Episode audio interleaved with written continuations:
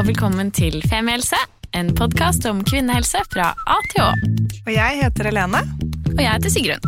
Og vi har startet denne podkasten fordi vi mener at det bør snakkes mye mer om kvinnehelse. Så la oss snakke.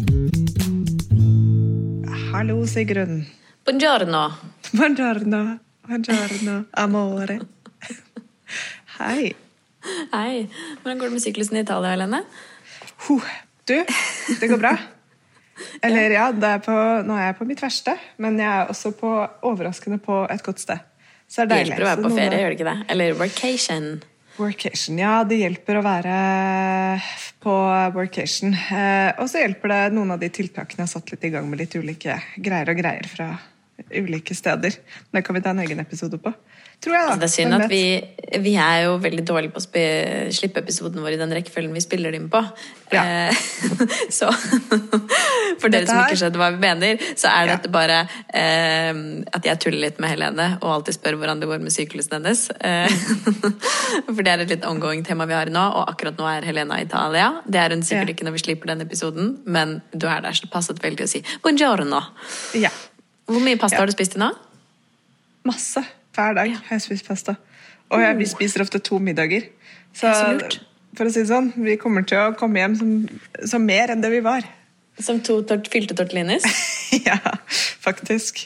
Det er jeg innforstått med. At det er, bare, det er bare sånn det er. Så jeg har nemlig tatt sammen med kjæresten min en måneds workation på Sicilie.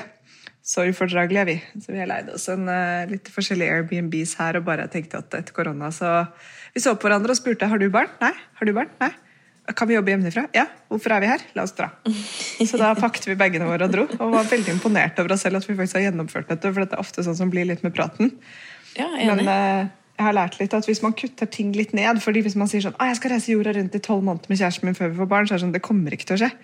Men hvis du sier sånn jeg skal jobbe en måned fra Italia, da er du kanskje innafor, da. Da er det bare å spørre sjefen sånn, er det greit at liksom i fire uker så jobber jeg hjemme, men fra et annet land. Så tror jeg de aller fleste som ikke må være fysisk på et kontor kan få ja nå. Man har bevist at man kan jobbe hjemme. Du er en foregangskvinne, Helene. Tusen takk. Tusen takk. Nei, men Det er veldig deilig. altså. Våkne opp her og gå ut og spise croissant og drikke kaffe. og ja, Veldig mm. fint. Mm. Ja, det God vibe. Det høres, høres magisk ut. Ja. Mm. Um, i dag så skal vi jo snakke om ehm, Jeg vet ikke hva vi skal kalle det, egentlig. Vi skal, men vi skal i hvert fall snakke om en eh, kvinne som kaller seg selv for postpartum-psykologen eh, ja. på Instagram. Eh, mm. vi skal snakke om psykisk helse etter fødsel. Det er jo et tema vi har vært litt innom eh, før, med 'Tusen og en natt'. Vi har snakket om fødselsdepresjon og ja, og også litt hvilke følelser man kan ha under svangerskapet. Men i dag skal vi utvide det universet litt eh, og snakke med da psykolog Ingvild Østhus, eller Øvsthus. Hvordan uttaler man det, Ingvild? Velkommen eh, til oss. Tusen takk. Eh, det er et spørsmål jeg får av og til. Øvsthus. Ja. Øvsthus. Ja. Det, det øvste huset. Det var nesten lettere å si på litt dialekt. Ja, nettopp. Ja. ja. Mm -hmm. Øvsthus. Mm. Ja, velkommen til oss, Ingvild. Det er veldig hyggelig å ha deg her. Ehm, jeg fikk jo barn for snart halvannet år siden og har eh, fulgt deg på Instagram. Ehm, Syns kontoen din er veldig fin og givende. Eh, så anbefaler alle å sjekke ut dem, og det vil dere sikkert gjøre også etter at vi har snakket med Ingvild nå. Men Ingvild, kan ikke du begynne med å introdusere deg selv? Eh, fortell oss litt hvem du er. Ja. Ehm, jeg er vel 35 år nå, tror jeg. Og jeg har eh, fått Jeg har tre barn. Det har jeg. Og så er jeg jo psykolog. Og jobber mye da med de psykologiske sidene ved det å være gravid, det å føde og tida etterpå med, med, baby. Og det gjør jeg på fors forskjellige måter. Jeg har eh, gjort det nå i snart eh, ti år. Det starta da jeg var gravid sjøl for første gang, og det begynner faktisk å bli snart ti år siden. Eh, da merka jeg jo veldig at det her var så det, det var så mye som skjedde i meg unnskyld, psykologisk. Og samtidig som jeg ikke hadde hørt eh, noe snakk om det. Altså, jeg følte at det var så lite, lite, fokus på det, lite å finne på alle de her psykologiske forandringene som foregikk i meg, både da jeg var gravid, men også etterpå, når jeg hadde blitt mamma. Så det var det som starta engasjementet mitt, og siden da så har jeg jobba mye med det. Holde kurs, foredrag for helsepersonell, treffe kvinner og par som opplever utfordringer i denne uh, tida i livet. Og så deler jeg mye på sosiale medier, eh, for det trives jeg veldig godt med. Jeg syns det er så givende å se at ofte så er det ikke så mye som skal til for at man kan forstå seg sjøl eh, litt bedre, eh, og på den måten få det litt lettere. Og så driver jeg også mammakurs.no, som er psykologisk verktøykasse på nett med, med ulike online-kurs der da, for blivende og nybakte foreldre. Og så forsker jeg litt på eh, ja, ulike temaer knytta til denne perioden i livet. Da. Så spennende. Hva er det du forsker på da, eller hvordan foregår det? Eh, jeg har eh, forska litt på fødselsangst, behandling av det.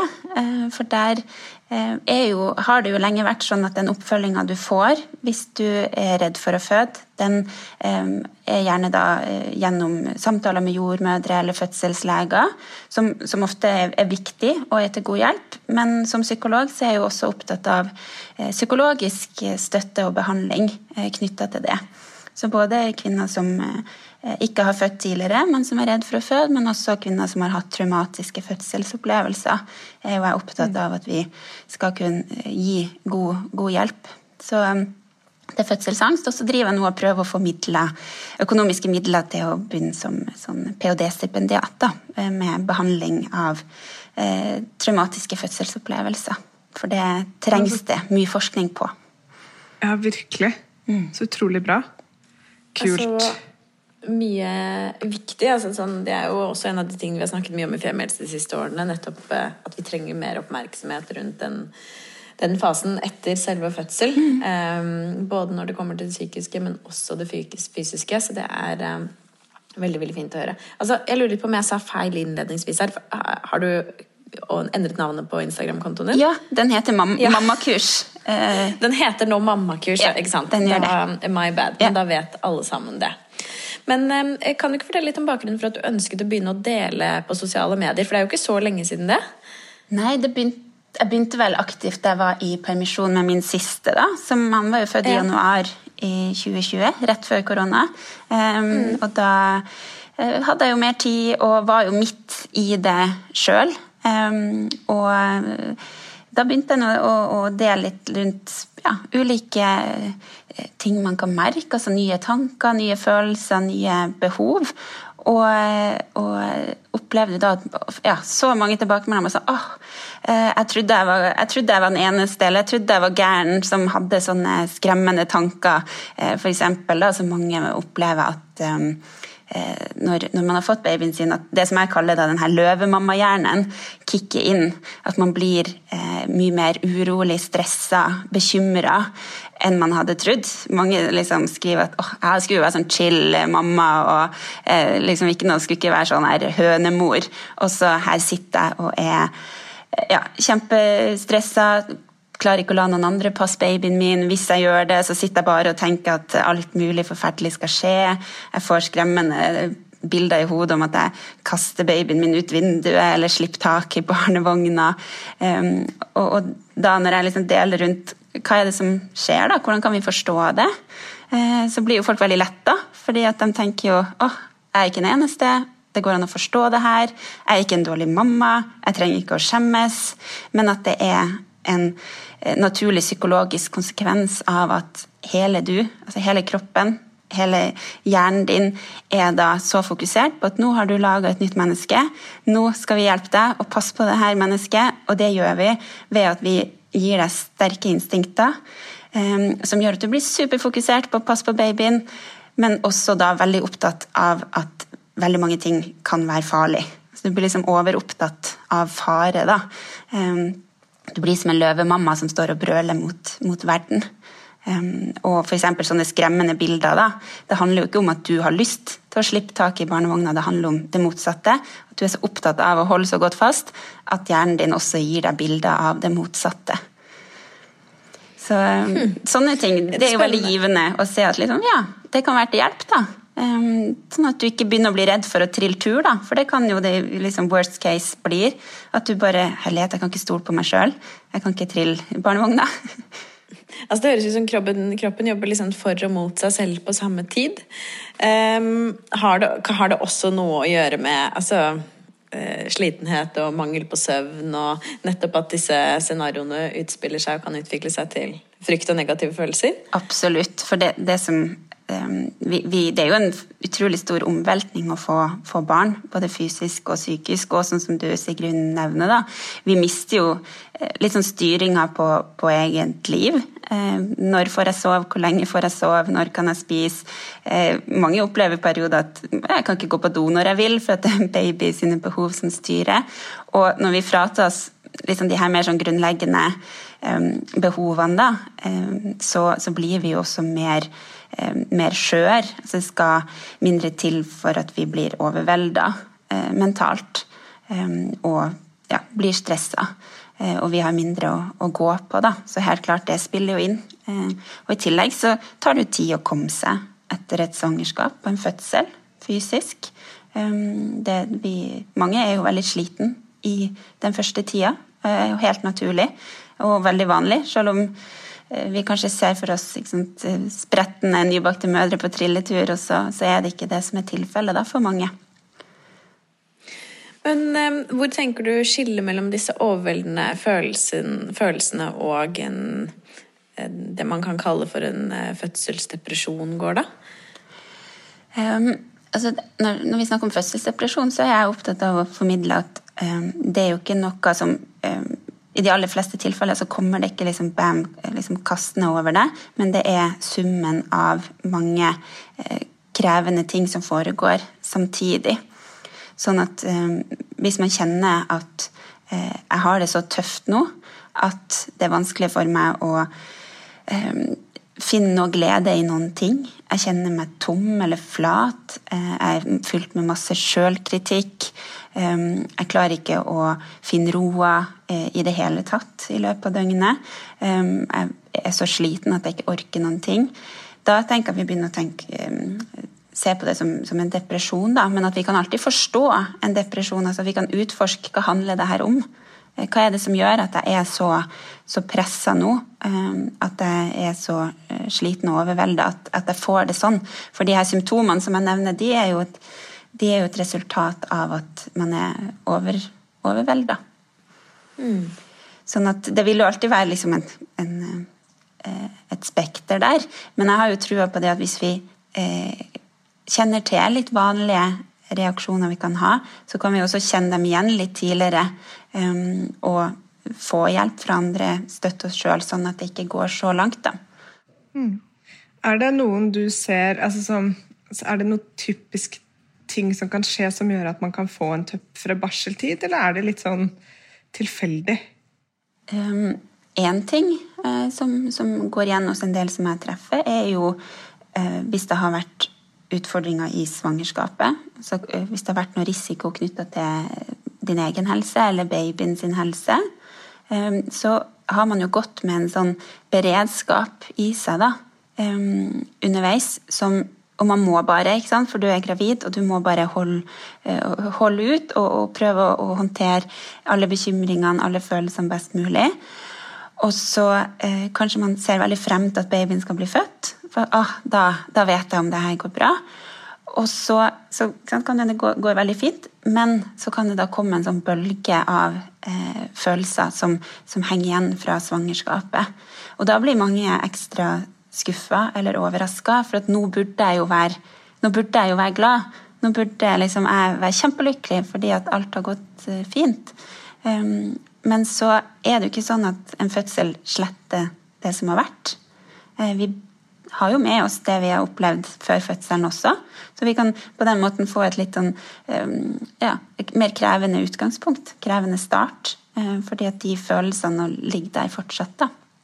Det er én ting. Ja, det føler jeg også jeg har lest om i det siste med eh, folk som har hatt eh, problemer med eh, å bli gravid. Mm. Og når de først blir det da, så, så, klarer de ikke å legge fra seg den, det stresset det har vært å, å, å komme dit, da.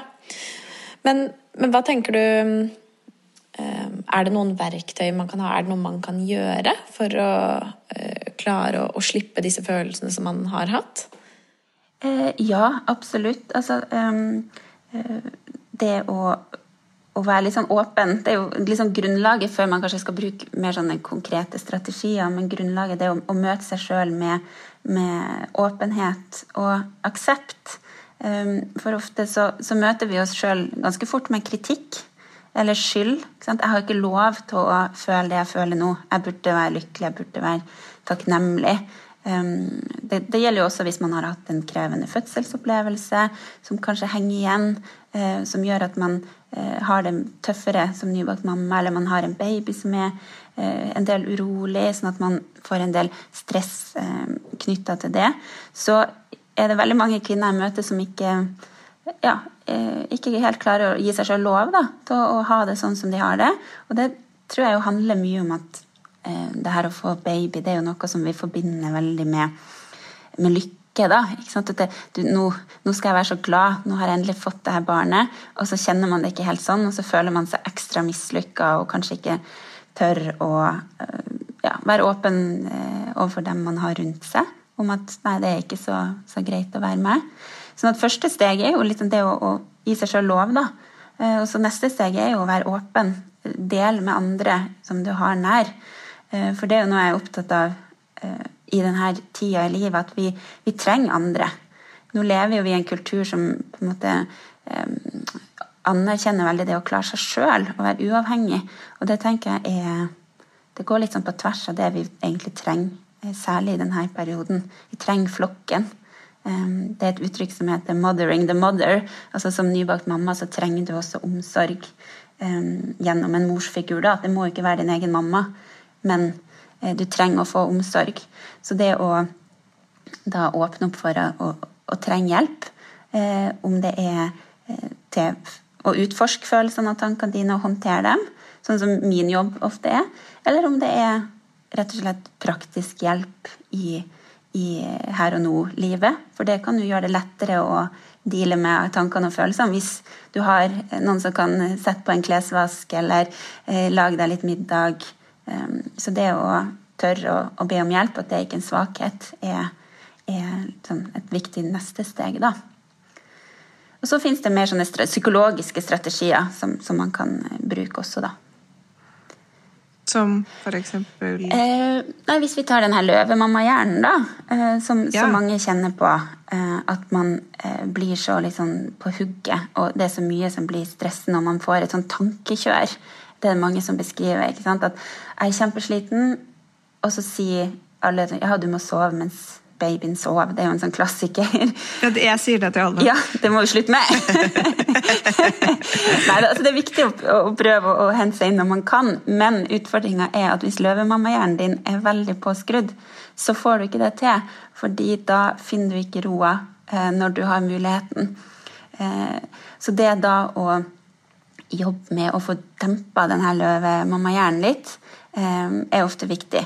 Så da en, en liksom, tilnærming som jeg ofte eh, lærer bort, det er jo å legge merke til Oi, nå er det faktisk løvemammahjernen min som snakker. Dette er ikke på en måte et, faktisk bilde på, på uh, livet.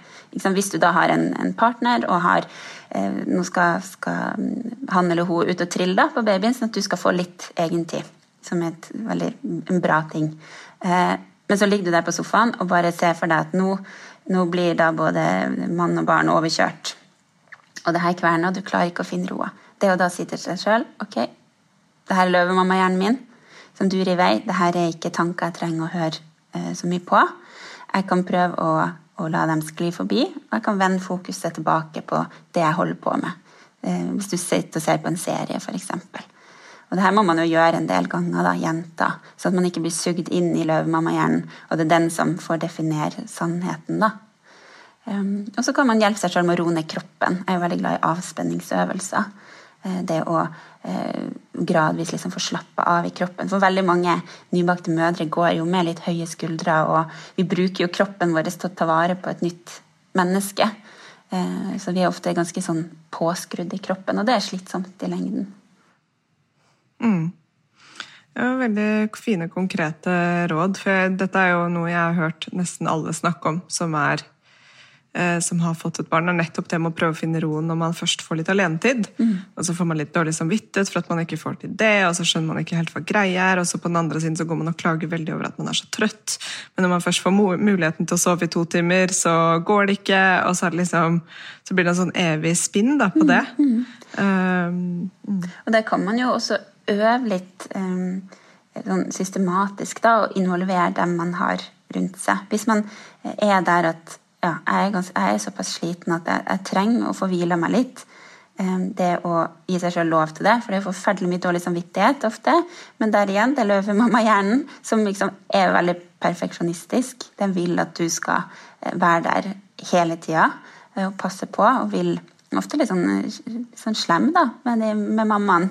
At du er en dårlig mamma hvis du ikke er der 24-7. Um, så det å måtte, ja, bli klar over at det her er løvemammahjernen min som snakker, og så øve litt. Eh, legge en plan med hvis du har en partner, hvis du har noen andre som du er tett på. Jeg skal prøve å øve meg på å strekke litt på den psykologiske navlestrengen, som jeg kaller det. da. Altså, og vi må starte starte litt sånn smått, for ofte er det sånn eh, Ok, eh, her, vi putter babyen i vogna, så gå ut, og så øh, Og så liksom gjør man det litt sånn fort og gærlig, og så blir det ikke noe ok. Du sitter der og er superstressa, men heller sånn start i det små. Med, for noen så er det rett og slett det å gå inn i et annet rom. Man kan jo kjenne et veldig sånn behov for å ha babyen fysisk ved siden av seg hele tida. Um, og det er ikke feil hvis du orker det, men hvis du begynner å være såpass sliten at, at, du faktisk trenger å sove litt i et annet rom, så begynner man der. Og så kan man øve på å ta seg en tur ut sjøl, et kvarter. Så kan man dra på butikken, og så liksom hele tida så strekker man litt og litt da, på den psykologiske navlestrengen. Um, hvis den er veldig kort. Mm. Uh, men ta det litt sånn gradvis, og gjør det med vennlighet. For mange er litt sånn åh, jeg er så håpløs, eller jeg er så latterlig, og alle sier til meg at jeg er sånn hønemor. Eh, og så, så, møter man seg sjøl med litt sånn kritikk, og det er, et, det er, et, kjipt utgangspunkt. Heller litt sånn ja, jeg har en aktiv løvemamma-hjerne og en litt kort psykologisk navlestreng. Og det, det, er ikke den eneste, og det er greit, men jeg skal øve. Øve på å få det litt lettere. Mm. Jeg tenker liker veldig godt dette treningsaspektet, eh, for jeg føler at det er noe som jeg vet ikke, Kanskje man burde trekke inn i flere, flere områder i livet? At uh, man må gi seg rom for å, for å øve på ting, liksom uavhengig av hva det er. Mm -hmm bare det å trene opp liksom sosiale kondisen igjen etter korona, tenker jeg som man også kunne gitt seg selv litt rom for å øve, øve opp igjen. Ikke gå liksom rett på nach og tenke sånn Dette klarte jeg før. Ikke at jeg noen gang har klart det, men andre. uh, nei, men å liksom porsjonere ting litt utover. Jeg vet ikke, Gi seg litt rom for å, for å tilpasse seg litt. da. Og jeg syns det er veldig fint. Mm. Mm. Det er jo litt mer omsorg, da, tenker jeg, forståelse for seg sjøl. Um, og det mm. trenger vi når vi skal skal utvikle oss. Så er det, det, er jo sånn vi gjør med barn, det. Vi, vi, heldigvis har vi jo beveget oss vekk fra det å straffe og kjefte. Altså at vi tenkte at det var veien til, til, utvikling. Nå vet vi at omsorg og forståelse er bedre. Så det må vi gjøre med oss sjøl òg. Mm. Jeg tror Sigrun og jeg smiler lurt til hverandre. tenker sånn der, Straff og kjeft er jo det vi vokste opp på, i hvert fall. sånn. Eh, eller man, ja. Men det gikk jo greit, det også. Men jeg tenker at eh, det er veldig fint å få disse jeg si, eh, disse forklaringene på nettopp eh, at det er altså, eh, at det er endringer i hodet. Da. Jeg leste en veldig spennende artikkel i Aftenposten som jeg kan dele med en link når vi deler denne episoden. Man må dessverre ha sånn abonnement for å få lest hele, men den handlet nettopp om hva som skjer med hjernen når man blir eh, mamma. At man både får denne løvemammahjernen, men også får en del superkrefter av det, som er nettopp sånn superfokus og veldig tilstedeværelse, og at man er 100% der, men det kommer jo da også med en pris. ikke sant? Du greier å holde dette barnet i live ved å være, være sånn superfokus og passe på at den får mat hele tiden, og rene bleier og sover når den eh, ja, til slutt må, liksom, eller skal. Men det går jo også ut som du sier, at den er litt sånn slem mot moren da, i det tilfellet. Eh, eller det kan også sikkert være det for partner. Um, men nettopp det å oppleve at eh, Eller få en bekreftelse på at det er en det er jo også en hormonell tilstand, eller det er en, det er en fysisk tilstand. Det er ikke bare psyken som driver og, og leker. De ti, to tingene er jo helt connecta, men mm. ja, og... Hvor lenge pleier denne løvemammatilstanden å vare for de fleste, da? Har du noen følelse av det? Ja, Det er jo basert på mine erfaringer. Da. Jeg har ikke sett noe forskning akkurat på det i det siste, men det er jo ofte altså, eh, Etter hvert når man ammer mindre, så syns jeg at jeg ser at det blir lettere for, for mange. fordi at du hormonelt sett skjer det jo en del endringer da. Um, og så etter hvert som når du da sjøl um, er ferdig i permisjon og blir litt sånn tvunget til å tunge hermetegn til å, å, la partner da ta mer av hovedansvaret, så skjer det ofte en endring der. En, eh, ofte veldig krevende i de overgangene, men så får du liksom eh, øvd deg på, på, å slippe litt eh, oversikt, kontroll, ha mer avstand eh, til barnet ditt. Og så igjen sant, ved, oppstart i barnehage så blir det jo ofte veldig krevende i overgangen, men så, så roer det seg litt. Så hos de fleste så eh, så, så går, det grad, går, det seg gradvis til. Og, og fordi, For mange så er jo den mest intense tida den første, altså barseltida. Ja, de to-tre første månedene da, er jo ofte det mest, mest intense. Men for noen så, så, henger det jo igjen mye bekymring, katastrofetanker, eh, uro også da, når, når, når barnet blir større. Og da kan det jo være lurt å få, få jobba litt med det. Mm. Men så er det jo sånn at når man blir mamma da, og pappa, så har du jo egentlig eh, gitt deg sjøl eh, eh, på en måte en kilde til masse bekymring resten av livet. Sånn at vi får jo ikke bort, bort alt. For det å ha fått, fått, et barn du blir jo, Det var noen som sa en gang at det er som å ta hjertet ditt og legge det ut på midten av motorveien. altså at det kan føles, Man blir jo sårbar. Det er en del av gamet. Så, så noe bekymring og sånt vil det jo alltid være. Mm. Ja, Det er kanskje ikke målet å kutte den eh, psykologiske navnestrengen 100 heller. Nei, vi vil, å, den vil vi ha. Vi vil bare at den skal være Bare strekke den. Strekke den er litt sånn fleksig, da. Ja, Ender opp på at alle mødre bare jobber fra hjemmekontor på Cecilia en måned av gangen. Barn, ja, det er hjemme, det, tror jeg. Ja. Nei, og, og, vi skal ikke jobbe imot alle de her instinktene heller. Det jeg snakker om nå og jobber med, er jo når det blir for mye av det gode. For vi trenger jo, det er jo som du Helene inne på, vi trenger jo den her sensitiviteten. Den kommer jo allerede i svangerskapet. da, det at Vi, vi, blir sånn, vi får de her superkreftene um, som gjør at du reagerer på hvert lille klynk og, og orker å stå opp for femte gang og eh, alt det her. Så vi trenger det. Eh, så det er ikke noe vi skal jobbe imot.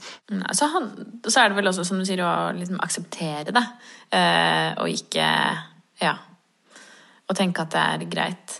Altså, jeg syns jo eh, i hvert fall noe av det, det klokeste min venninne sa til meg da jeg fikk barn, var det går over. Alt går over. Ja, sant. og det syns jeg har vært veldig deilig å lene meg på i både liksom, fysiske og psykiske ting. Mm. At uh, det blir bedre. Mm. Og jeg vet ikke, jeg har i hvert fall aldri møtt en 18-åring med kolikk. Og sånne ting er liksom, Det er deilig å tenke på. Eller kveldsuro, eller at man er liksom helt utrolig sliten. Mm. Så det er jo godt å tenke på. Men når tenker du at man liksom um, ikke bare skal lene seg på at det går over, men kanskje prøve å få noe hjelp? Uh, ja, det er jo et viktig, viktig spørsmål. For, um, for, vi skal jo, sant, som jeg har snakka en del om, prøve å møte oss sjøl med aksept og forstå, og ikke tenke at det er noe gærent med meg. Samtidig som man skal jo ikke tåle alt, holde ut alt. Og jeg er opptatt av at når vi er gravid og når vi har en liten baby, det er ikke tida for å være beskjeden. Eh, det er ikke tida for å bite tennene sammen.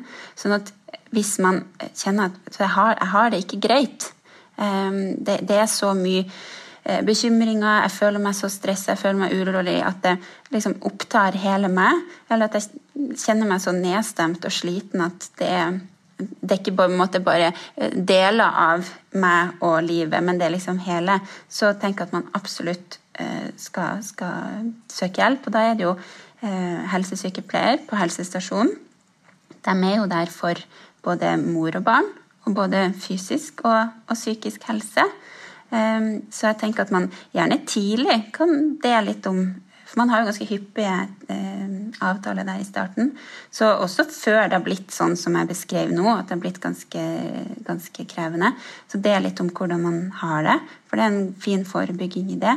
Men i hvert fall gjør det hvis man kjenner at det, det er veldig tøft å være med. Eh, for det, det, det, her er tid i livet som det går fort. Eh, og man eh, skal ikke liksom holde igjen hvis man kjenner at det hadde vært godt å fått lufta det her med noen, utforska eh, det, funnet litt ut av hva handler det her om, hva trenger så skal man ikke holde tilbake på det. Så Det er jo da helsestasjon, men også fastlege er viktig for mange. Så finnes det i de aller fleste kommunene sånn lavterskel psykisk helsehjelp til, til, voksne, som kan være fint for mange. Uh, og i tillegg til det å være selvfølgelig åpen med dem man har rundt seg. For ofte er det mye god hjelp i det å få litt sånn praktisk uh, støtte og omsorg da, i denne tida. Mange kjenner jo et veldig nytt behov for å ha, ha mammaen sin nært. Eh, hvis man har en god relasjon. Andre kan jo kjenne at det, det, er, ikke, det er ikke hun jeg trenger, eller man har kanskje ikke en mamma som kan være der sånn som, som, man trenger, men at man kjenner at man trenger omsorg mer fra andre. Og det kan være litt sånn eh, rart å skulle uh, måtte si høyt. Jeg trenger, jeg noen, hvis man ikke er vant til det ellers. Men, uh, men det å gi seg sjøl ja, lav terskel for det. Det er jo også viktig. da, så Det er ikke sånn at all hjelp skal handle om oss, oss noen profesjonelle, men kanskje begge deler. da. I, på Østlandet i hvert fall så er det jo et tilbud som jeg opplever har blomstret veldig opp, som syns er veldig fint, men det er jo et privat tilbud av sånn doula-hjelp. Eh, og hvor du både kan på en måte få en jeg skal ikke kalle det en privat jordmor, men en, en, en som, er, eh, som er utdannet innenfor doula har fødselsstøtte, men som også kan hjelpe til i barseltiden. Da. Og Det er jo selvfølgelig eh, et veldig vakkert tilbud, men samtidig så koster det penger. Så det er ikke alle som har muligheten til det. Men, eh, men en liten sånn oppfordring er hvis man har økonomiske midler til det, så vet jeg at mm, disse kvinnene som utdanner seg til det fordi jeg har i hvert fall ikke hørt om noen menn som har gjort det, for å ikke liksom diskriminere gutt, guttedulaene, men deres ekspertise ligger jo nettopp på dette å føle inn på eh, enten gravid kvinne eller bars, eh, kvinne i barsel, og bare si sånn Hva trenger du? Og gjerne bare snakke igjennom. Og det kan være så fint som at man tar en massasje etter fødsel med babyen, som gjerne kan henge på sjal på dolaen eller ligge i vognen ved siden av og bare snakke gjennom fødsel eller sånne ting. Og det har jeg hørt at mange har god nytte av. Og en annen ting som jeg også har hørt, er nettopp det å oppsøke sykehuset og be om den gjennomgangen av fødsel. Og det har de jo egentlig eh, Jeg vet ikke om jeg skal kalle det plikt, men du har i hvert fall muligheten til å høre om de har kapasitet til å gjøre det, til å gå gjennom fødselen hvis den har vært hvis den har opplevdes traumatisk. Da. Eh, så det er sånne to ting som jeg tenker at kan være kan være sånne ting man kan ta tak i selv, hvis man har muligheten til og kapasitet til det. Mm, absolutt. Og det finnes jo doula i, ja, i, en del byer eller en del steder, så gå inn og sjekk eh, hva som er tilgjengelig der man bor. Eh, Sjøl har jeg mm. hatt doula i alle mine tre svangerskap, eh, og så møtt ja. dem igjen etterpå. Um, så mm. absolutt. Og, å, og, kanskje har man noen nært seg som kunne ha gjort altså vært der eh, litt sånn som en doula er da, etter fødsel, hvis man gir folk lov og mulighet. Hvis man har en venninne som mm. kanskje har fått barn tidligere, som vet litt hva, hva det går i, um, kan komme hjem og ja, lage litt mat, rydde og vaske litt, um, være der, da. Det er ofte mm. veldig fint. Mm. Og bare I en bisetning der så har vi jo Kvinnehelsehuset, som akkurat har åpnet i Bergen, av Norske kvinners sanitetsforening. De har også eh, flerkulturelle doulaer, som er et fantastisk tilbud eh, hvor hvis du ikke kan så godt norsk og trenger hjelp under svangerskapet i Bergen, eh, kan få det, det, tilbudet. Så hvis du er i Bergen og hører dette og vet om en venninne som kunne trengt litt fødselshjelp, og som ikke prater så godt norsk, så fins tilbudet der. Jeg ville bare si det fordi det er så fint tilbud. Um, ja, så fint, eh, Ingvild. Eh, vi har jo snakket en stund nå. Er det noe du tenker at du har lyst til å eh, legge til, som vi ikke har vært innom? Kanskje det her med partner og, og, og mm. parforholdet, da. Hvis man, hvis man, er i et parforhold og, og får barn da, så er det jo for mange litt sånn ja, overraskelse, men også ganske tøft å merke at parforholdet kan, kan få det litt krevende i denne tida. For man forventer jo egentlig det motsatte. At det skal være en sånn eh, ja, veldig fin sånn oppblomstring av kjærlighet og nærhet.